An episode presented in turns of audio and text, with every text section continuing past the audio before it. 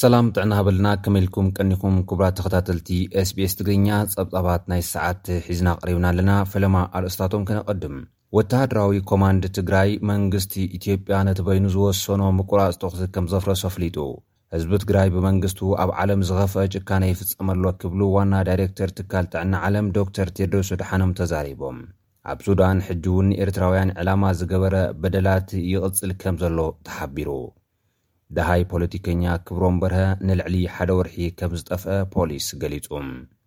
ኣርእስታት ጸብጻብ ክትከታተሉ ጸኒሑም ኩቡራት ሰማዕቲ ናብ ዝርዝራቶም ክንሓልፍ ኢና ምሳና ጽንሑ።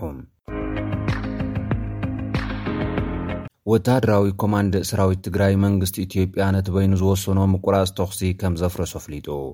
እቲ ኮማንድ ኣብ መግለጺኡ ሰራዊት ኢትዮጵያ ኣብ ልዕሊ ሰራዊት ትግራይ መጥቃዕቲ ታንክታትን ከበድቲ ብረታትን ብምኽፋት ነቲ ንበይኑ ኣዊጅዎ ዝጸንሐ ምቁራጽ ተጻብኦ ከም ዘፍረሶ ኣፍሊጡ ኣሎ። እቲ ወተሃደራዊ ኮማንድ ነዚ መግለጺ ዝዘርግሐ፣ ሰብ መዚ መንግስቲ ኢትዮጵያ ሰላማዊ ዘተ ንምቅልጣፍ ንሰርሕ ኣለና ዝብል መግለጺ ኣብ ዝዘርገሐሉ ተመሳሳሊ እዋን እዩ። ወተሃደራዊ ኮማንድ ሰራዊት ትግራይ ኣብ ዘውጽኦ መግለጺ፣ መንግስቲ ኢትዮጵያ ምዕራብ ትግራይ ካብ ትግራይ መንጢሉ ብዝተዋደደ ወተሃደራውን ፖለቲካውን ሸርሒ ኣብ ኢዱ ንምጽናሕ ንበይንኣዊ ውሳነ ምቁራጽ ተኹሲ ከም ዝጠሓሰ ኣፍሊጡ'ሎ። እቲ መጥቃዕቲ ብሰኑይ ትሽዓተ ነሓሰ ክልተ ሽሕ ዓሰርተ ኣርባዕተ ዓመተ ምህረት ግእዝ ከም ዝተፈጸመ ዝሓበረ መግለጺ ወተሃደራዊ ኮማንድ ሰራዊት ትግራይ፣ ሰራዊት ምክልኻል ኢትዮጵያ ኣብ ደደቢት ኣብ ልሙድ ናይ ምክልኻል ተግባር ኣብ ዝነበሩ፣ ሰራዊት ትግራይ ካብ ሰዓት ዓሰርተ ብኣቆጻጽራ ግእዝ ድሕሪ ቀትሪ ጀሚሩ ንሓደ ሰዓት ዝጸንሐ ናይ ከቢድ ብረታትን ታንክታትን ደብዳብ ከም ዝተኻየደ ኣፍሊጡ'ሎ። እቲ ምቁራጽ ተጻብኦ ንሰብኣዊ ረዲኤት ምፍራሱ ነቲ ንሰላም ቅሩብ ምዃኑ ክገልጽ ዝጸንሐ መንግስቲ ትግራይ፣ ሰብመዚ መንግስቲ ኢትዮጵያ ብሓይሊ ኣብ ኢዶም ከጽንሕዎ ዝደልዩ ዘለዉ ዞባ ምዕራብ ትግራይ ብሓይሉ ነጻ ከውጽኦ ንዝተፈናቐለ ህዝቢ ናብ ቦትኡ ንምምላስ ሓይሊ ብሕታዊ መማረጺ ክገብር ይደፍእዎ ኣለዉ ክብል ኣረዲኡ። ዛጊድ ካብ መንግስትን ሰራዊትን ኢትዮጵያ ነዚ ክሲ ኣመልኪቱ ዝተውሃበ መልሲ የለን። እንተኾነ ምስ ሓይልታት ትግራይ ዘተ ንምክያድ ብመንግስቲ ኢትዮጵያ ዝቖመ ሸውዓተ ኣባላት ዝሓዘ ኮሚቴ ሰላም፣ እቲ ዘተ ሰላም ክውን ንክኸውን ምስ ሕብረት ኣፍሪካ ተቐራሪቡ ብዕቱብ ይሰርሕ ከምዘሎ ኣፍሊጡ ኣሎ።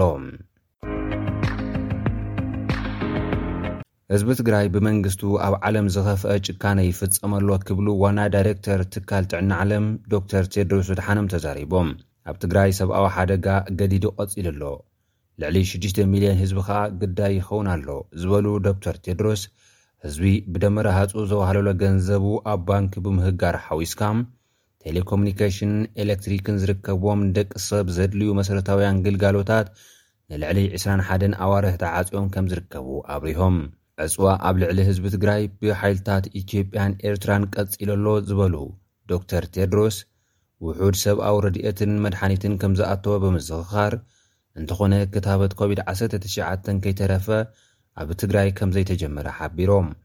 መንግስቲ ንሽዱሽተ ሚልዮን ህዝቡ መሰረታውያን ግልጋሎታት ንዕስራን ሓደን ኣዋርሕ ዓጽዩ ክቐጽዕ ኣብ ዝኾነ ከባቢ ዓለም ከምዚ ዝኣመሰለ ጭካነ የለን ዝበሉ ዶክተር ቴድሮስ፣ ገለ ናይ ሰላም ወረታት እኳ እንተለዉ መሰረታዊ ግልጋሎታት ከይልቀቑ ሽዱሽተ ሚልዮን ህዝቢ ሓኒቕካ ከመይ ኢሉ እዩ ሰላም ክመጽእ ዝኽእል ክብሉ ሓቲቶም።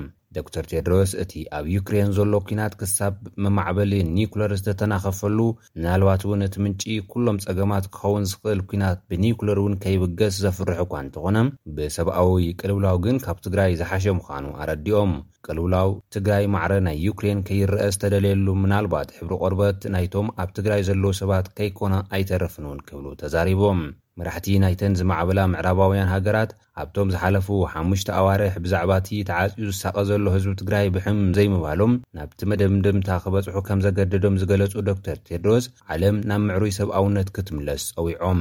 ሓላፊ ህጹጻት ጉዳያት ትካል ጥዕና ዓለም ማይክ ራየን ብግደኦም፣ ኣብ ቀርኒ ኣፍሪካ ንዘሎ ቅልውላው ዋላ ሓደ ዝተገደሰሉ ዘሎ ኣይመስለንን ኢሎም ኣለው።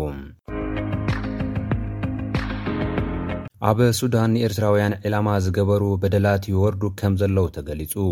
ኣብ ሱዳን ብፍላይ ከኣ ኣብ ካርቱም ዝነብሩ ኤርትራውያን ብሓይልታት ጸጥታ እታ ሃገር ሕጂ እውን ብቐጻሊ እናተገፈፉን እናተኣስሩን ዘይተኣደነ ገንዘብ ክኸፍሉ ይግደዱ ከም ዘለው ሓቢሮም። ኣባላት ጸጥታ እታ ከተማ ንሰባት ብኣልማማ እንዳኣሰሩ መሊሶም ካብ ኣርባዕተ ሚእቲ ክሳብ ሓሙሽተ ሚእቲ ዶላር ኣሜሪካ ከፊሎም ንኽወጹ የገድድዎም ከምዘለዉ እውን እቶም ምንጭታት ሓቢሮም። እዚ ካብ ንኣሽቱ ነቑጣታት ብዝተዋፈሩ ኣባላት ጸጥታ ዝግበር ንገንዘብን መኽሰብን ዝዓለመ ማእሰርቲ ከምዝኾነ እውን ካብቶም ግዳያት ይዛረቡ። በቲ ኩነታት ዘማረረ ኤርትራዊ ገንዘብ ከፊልካ እውን ከም ዝኸፈልካ ዘረድእ ዝኾነ ይኹን ቅብሊት ከም ዘይህቡ ንሰባት ገገፊፎም ብምእሳር ገንዘብ ኣኽፊሎም ከም ዝሰድዎም ገሊጹ ኣሎ። ብተወሳኺ እቲ ኩነታት እናኸፍኣ ምስ ከደ ኤምባሲ ኤርትራ ኣብ ሱዳን ምስ ዝምልከቶም ሓለፍቲ ጸጥታ ሱዳን ተዘራሪቡ ነቲ ጉዳይ መግትኢ ክገብረሉ ከም ዝተሓተተ እንተኾነ ሰበስልጣን ሱዳን መንግስቲ ብዛዕባ'ቲ ዝግበር ዘሎ ኣፍልጦ ከምዘይብሉ ብናይ ከባቢ ፖሊሳት ኣብ ታሕተዋይ ጸፍሒ ዝግበር ናይ በለጽ ተግባር ምዃኑ ከምዝተሓበሮ ኣረዲኦም። ኤርትራውያን ዋላ'ውን ተጸጊሞም ገንዘብ ክኸፍሉ ይኽእሉ'ዮም ዝብል ኣረኣእያ ስለዝማዕበለ ኣብ ልዕሊ ኤርትራውያን ንገንዘብን ረብሓን ዝዓለመ ግፋን ማእሰርትን ዝውቱር ምዃኑ'ዩ ዝግለጽ ዘሎ። ዳርጋ እቶም ዝበዝሑ ኤርትራውያን ስደተኛታት ካብ ሃገር ብዘይፍቓድ ስለዝኸዱ ናብ ኤምባሲ ከይዶም ሓገዝ ክሓቱ ከምዝጽገሙ እውን ተሓቢሩ። ዝበዝሕ ኤርትራዊ ካብ ዓዱ ብዘይፍቓድ ስለዝወጽእ እንተተመሊሱ ጸገማት ከጋጥሞ ከምዝኽእል ብምስጋእ ዝተብሃሎ ስለዝኸፍል ነቶም ኣባላት ጸጥታ ምንጪ እቶትን ረብሓን ክኾኖም ከምዝኻለ ይግለጽ ኣሎ። ኣብ ሱዳን ብኣሽሓት ዝቑጸሩ ኤርትራውያን ስደተኛታት ተዓቚቦም ዝርከቡ ኮይኖም፣ ኣብ ምብራቕ ሱዳን ጥራሕ ኣስታት ሚእትን ዓሰርተ ሰለስተን ሽሕ ኤርትራውያን ስደተኛታት ከም ዝርከቡ ጸብጻባት ውድብ ሕቡራት ሃገራት ይሕብሩ። ካብዚኣቶም ድማ ልዕሊ ሰማንያን ሰለስተን ሽሕ ኣብ መዓስከራት ስደተኛታት ይርከቡ። ዝተረፉ ሰላሳ ሽሕ ድማ ኣብ ከተማታት ሱዳን ሰፊሮም ከም ዝርከቡ እዩ እቲ ሓበሬታ ዘረድእ። ደሃይ ፖለቲከኛ ክብሮም በርሀ ንልዕሊ ሓደ ወርሒ ከም ዝጠፍአ ፖሊስ ሓቢሩ። ፖሊስ ፌደራል ኢትዮጵያ ንሓላፊ ርክብ ጉዳያት ወፃኢ ውድብ ባይቶና ኣቶ ክብሮም በርሀ ከም ዘይረኸበ ንቤት ፍርዲ ኣፍሊጡ'ሎ። ፖሊስ ከተማ ኣዲስ ኣበባ ንኣቶ ክብሮም በርሀ ዘረከበሉ ሰነዳዊ መረዳእታ ንኸርእዮ'ውን ፖሊስ ፌደራል ነቲ ቤት ፍርዲ ሓቲቱ። ኣብ ዝሓለፈ ሰሙን ሓለፍቲ ፖሊስ ኣዲስ ኣበባ ንኣቶ ክብሮምን ነቶም ምስኦም ዝተትሓዙ ካልኦት ዕስራ ተጠርጠርትን ንፌደራል ፖሊስ ዘረከብሉ ሰነዳዊ መረዳእታታት ሒዞም ንክቐርቡ ነቲ ጉዳይ ይርኢ ብዘሎ ቀዳማይ ብርኪ ቤት ፍርዲ ፈደራል ተኣዚዞም እኳ እንተነበሩ ከምዘይቀረቡ እዩ ተገሊፁ። እቲ ቤት ፍርዲ ሓለፍቲ ፖሊስ ኣዲስ ኣበባ ነቶም እሱራት ንፖሊስ ፌደራል ዘረከብሉ ሰነዳዊ መረዳእታ ሒዞም ን ዓሰርተ ሸሞንተ ነሓሰ ክልተ ሽሕን ዓሰርተ ኣርባዕተን ዓመተ ምህረት ክቐርቡ ትእዛዝ ከምዝሃበ እውን ተፈሊጡ። ብ ሰለስተ ሓምለ ክልተ ሽሕ ዓሰርተ ኣርባዕተ ዓመተ ምህረት ቅድሚ ወርሒ ተታሒዞም ተኣሲሮም ዝነበሩ ኣባላት ላዕለዋይ ኣመራርሓ ውድብ ባይቶና ኣቶ ክብሮም በርሀ ዝርከቦም ዓሰርተ ሸሞንተ ሰባት ኣበይ ከም ዘለዉ ከም ዘይፈልጡ ስድራቤቶም ክገልጹ ጸኒሖም እዮም። ሓላፊ ክፍሊ ርክብ ጉዳያት ወጻኢ ባይቶና ኣቶ ክብሮም በርሀ ቅድሚ ወርሒ ተታሒዞም ኣብ መምርሒ ፖሊስ ቃሊቲ ተኣሲሮም ምስ ጸንሑ ናብ ቤት ፍርዲ ቀሪቦም ብዋሕስ ክፍትሑ ተወሲኑ እኳ እንተነበረ ከም ዘይተፈትሑ በዓልቲ ቤት ኣቶ ክብሮም በርሀ ወይዘሮ ጽታ ሓቢረን ነይረን እየን። ይኹን እምበር እቲ ውሳነ ከይተፈጸመ ኣቶ ክብሮም ምስቶም ምስኦም ዝነበሩ እሱራት ናብ ዘይተፈልጠ ቦታ ከም ዝተወስዱ እውን ተዛሪበን። ቤት ፍርዲ ብዋሕስ ክፍትሑ ምስ ወሰነ ናብ ኣዋሽ ኣርባ ዓፋር ከም ዝተወስዱ እዩ ካብ ፖሊስ ወረ ከም ዝሰምዓ በዓልቲ ቤት ኣቶ ክብሮም በርሀ ገሊጸን ነይረን። ብጭቡጥ ግን ክሳብ ሎሚ ደሃይ ኣቶ ክብሮም በርሀን ምስኦም ዝተኣስሩ ሰባትን ኣበይ ከም ዘሎ ከም ዘይፈልጥ እዩ ፖሊስ ፌደራል ኣብዚ ሰሙን ንቤት ፍርዲ ገሊጹ ዘሎ። ክቡራት ተኸታተልቲ SBS ትግርኛ ጸብጻባት ናይዚ ሰዓት እዞም ዝተኸታተልኩምዎም ይመስሉ ነይሮም። ኣብ ቀጻሊ ብኻልእ ትሕዝቶ ክንራኸብ ኢና ክሳብ ሽዑ ሰሰናዩ ንምነየልኩም። ሰላም ድሓን ቀንዩ።